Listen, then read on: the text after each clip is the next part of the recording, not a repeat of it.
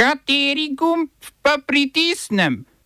Tisti, na katerem piše OF.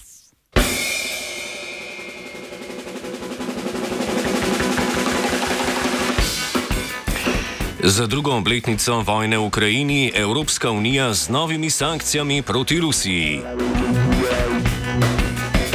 Izrael zbombardiral stanovanski blok v Damasku. Američani v varnostnem svetu blokirali resolucijo za takojšnje premirje v Gazi. Odbor za svobodno Palestino. Ali bo policija protest na košarkarski tekmi Slovenije in Izraela dovolila?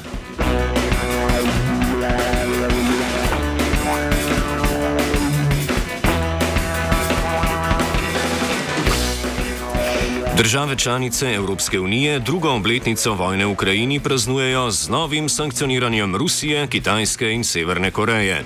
Predstavniki držav so se dogovorili za 13. svežen sankcij in v njegovem sklopu prepoved evropskega poslovanja s tremi kitajskimi podjetji, ki jih obtožujejo dobave vojaške tehnologije Rusiji.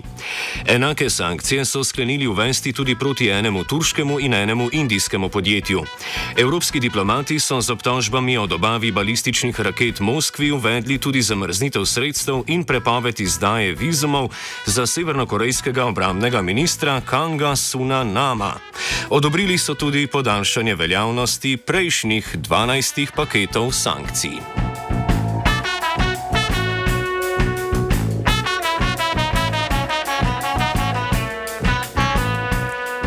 Združene države Amerike so v Varnostnem svetu Združenih narodov z vetom blokirale alžirsko resolucijo, ki je zahtevala takojšnje premirje v Gazi. Glasovanja so se vzdržali Britanci, Američani pa so bili edini proti. Resolucijo je sicer podprla tudi Slovenija. Je pa Varnostni svet uvedel sankcije proti vodjem šestih oboroženih skupin na severovzhodu Demokratične republike Kongo.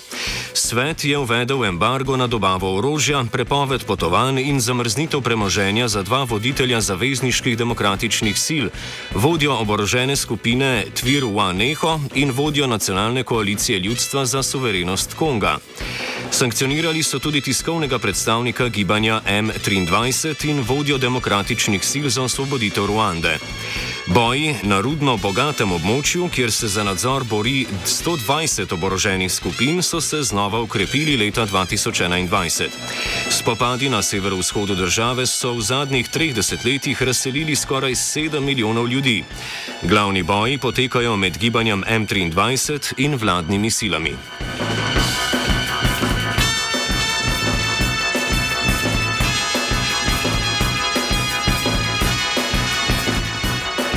Zvezdna vlada Somalije je potrdila sporozum s Turčijo o sodelovanju držav na področju pomorske varnosti in gospodarstva. Po dogovoru bo Turčija somalijski mornarici zagotovila usposabljanje in opremo, sporozum pa naj bi spodbudil tudi trgovinske odnose med državama. Somalija je minuli teden vojaški sporozum že sklenila z Združenimi državami Amerike.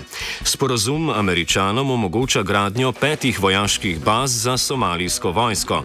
Baze bodo namenili brigadi Danab, ki sta jo vojski obeh držav vzpostavili kot silo hitrega posredovanja v bojih z islamističnimi milicami.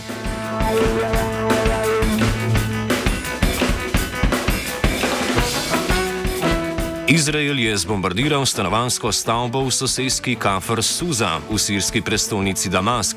Ubili so vsaj dva stanovalca, več jih je ranjenih.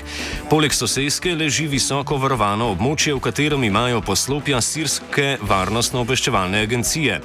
Decembra je izraelska vojska v bližini Damaska sicer ubila Razija Musavija, enega od poveljnikov sirske veje iranske vojske. Izrael Sirijo občasno bombardira od leta 2011, ko se je začela sirska državljanska vojna. Zračne napade pa je ukrepil po odporniški akciji palestinskega Hamasa 7. oktober lani. Ofenzive v Gazi izraelska vojska seveda ne ustavlja. Smo se osamosvojili, nismo se pa osvobodili. Naslednje število je še 500 projektov izpiljene modele, kako so se strani nekdanje LDS rotirali. Ko to dvoje zmešamo v pravilno zmes, dobimo zgodbo o uspehu. Takemu političnemu razvoju se reče udar. Jaz to vem, da je nezakonito, ampak kaj nam pa ostane? Brutalni obračun s politično korupcijo. To je Slovenija, tukaj je naša zemlja, to je Slovenija, Slovenija, Slovenija. Gibanje za pravice palestincev je vlado pozvalo k vojaškemu embargu, gospodarskim ukrepom proti Izraelu, pridružitvi tožbi Južne Afrike proti Izraelu in k vzpostavitvi dopolnilne poti za varen prihod družinskih članov v Sloveniji živečih palestincev v državo. Medka Naglič iz Amnesty International Slovenija je prenesla izjavo 30-letnega moškega po imenu Islam, ki je v izraelskem bombardiranju Gaze izgubil tri od svojih štirih otrok. Zaslišal sem hudo eksplozijo. Ne spomnim se, da bi kaj videl. Le slišal sem zelo glasen zvok in izgubil zavest. Zbudil sem se v bolnišnici, spomnim se, da sem najprej vprašal po svojih otrokih. Le štiriletna Lin je preživela. Moja družina je cele dneve poskušala iz ruševin izkopati trupla ubitih. Truplo mojega 25-letnega brata Kalila so našli 200 metrov od hiše. Napadi so bili tako močni, da je bil razkosan. Majhna trupla mojih otrok so bila razkosana.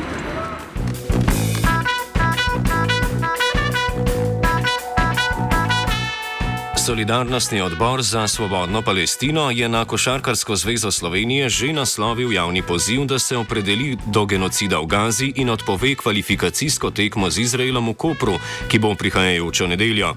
Na Košarkarski zvezi so odgovorili, da tekme ne morejo enostransko odpovedati.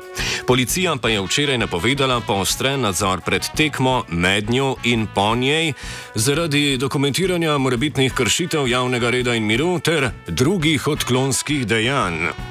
Neodzivnost Košarkarske zveze komentira predstavnica Solidarnostnega odbora. Ker se zveza na poziv, razen z mlačnim komentarjem preko medijev, ni odzvala, je odbor v ponedeljek, 19. februarja, obiskal sedež Košarkarske zveze Slovenije in javni poziv predal še v fizični obliki. Pri tem pa na zvezo, kot organizatorja tekme naslovil še zahtevo, da na tekmi v Kopru omogočijo mirne in dostojanstvene izraze protesta proti genocidu v Gazi. Včeraj se je oglasila še policijska uprava Koper, ki je javnost upestila, da bo v nedeljo pred, med in po tekmi izvajala poostren nadzor, ter da bo zaradi dokumentiranja morebitnih kršitev javnega reda in miru ter drugih odklonskih dejanj uporabljala tehnična sredstva za fotografiranje, video, ter audio snemanja. Na tem mestu zato na vse odgovorne za organizacijo nedeljske tekme v Kopru in tudi na policijo naslavljamo naslednja javna vprašanja. Ali bodo mirni izrazi solidarnosti s palestinkami in palestinci na tekmi razumljeni kot odklonsko vedenje? Bo uporaba palestinske zastave na tekmi razumljena kot odklonsko dejanje? Ali boste pred, med in po tekmi omogočili izvajanje ustavne pravice do svobode izražanja ali boste brez pravne podlage to aktivno preprečevali? Prihajajočo kvalifikacijsko tekmo med Slovenijo in Izraelom komentira tudi palestinec Hasan. My opinion uh, must be to cancel something like that in this time because it's not logical. The people under attack, genocided in Gaza, and today or will play football or uh, basketball sorry. It's not logical you know. It must be uh, this is to stop in this time. It's not okay i think so as a palestinian. And this is the normally for anyone as a human being also not just as a palestinian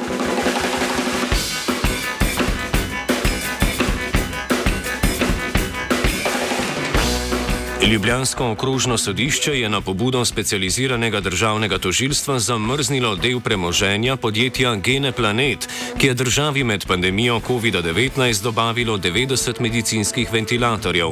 Tako poroča portal Necenzurirano, ki navaja, da je sodišče premoženje Gene Planeta zamrznilo zaradi finančnega praznjenja podjetja, ki je imelo v letu 2020 56 milijonov evrov prihodkov in 8 milijonov čistega dobička. Praznjenje z odelitvijo premoženja se je začelo aprila 2022, konec tega leta pa je imelo podjetje še slabih 400 tisoč evrov premoženja. To je manj od predvidenega zneska, ki bi ga podjetje moralo izplačati državi, če bi bil direktor podjetja Marko Bitens poznan za krivega v postopku nepravilnega nakupa ventilatorjev.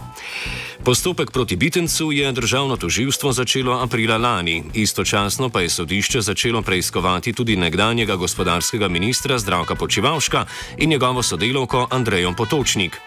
Počivalška je nacionalni preiskovalni urad maja 2022 ovadil zaradi suma zlorabe položaja pri nabavi zaščitne opreme v času epidemije.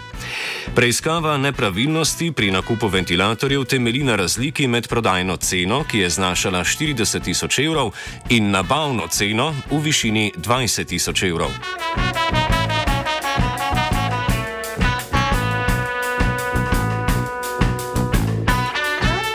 Več ambulant zdravstvenega doma Ljubljana je v zadnjih tednih dodatno omejilo število znakov, ki jih bolnik lahko uporabi pri komuniciranju z ambulanto preko spletnega portala zdravstvenega doma.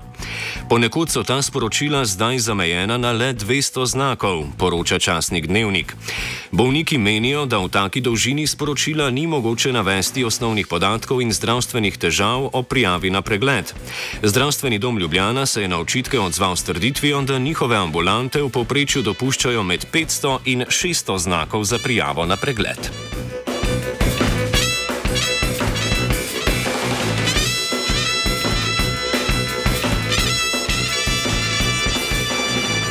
Premogovniku Velenje je včeraj prišlo do presežene dovoljene koncentracije plinov, zaradi česar so bili hospitalizirani štirje rudari. Merilne naprave na delovišču so pokazale prekoračene mejne koncentracije plinov, pri čemer sta vrednosti metana in oglikovega dioksida presegli 5 odstotkov, kar je več kot trikrat več od dovoljene meje odstotka in pol. Rudarski inšpektor je v premogovniku odredil zaustavitev rudarskega dela na odkopu, dokler vrednosti oglikovega dioksida in metana ne padeta pod dovoljeno koncentracijo. Pred ponovnim zagonom odkopa bo inšpekcija rudnik ponovno pregledala.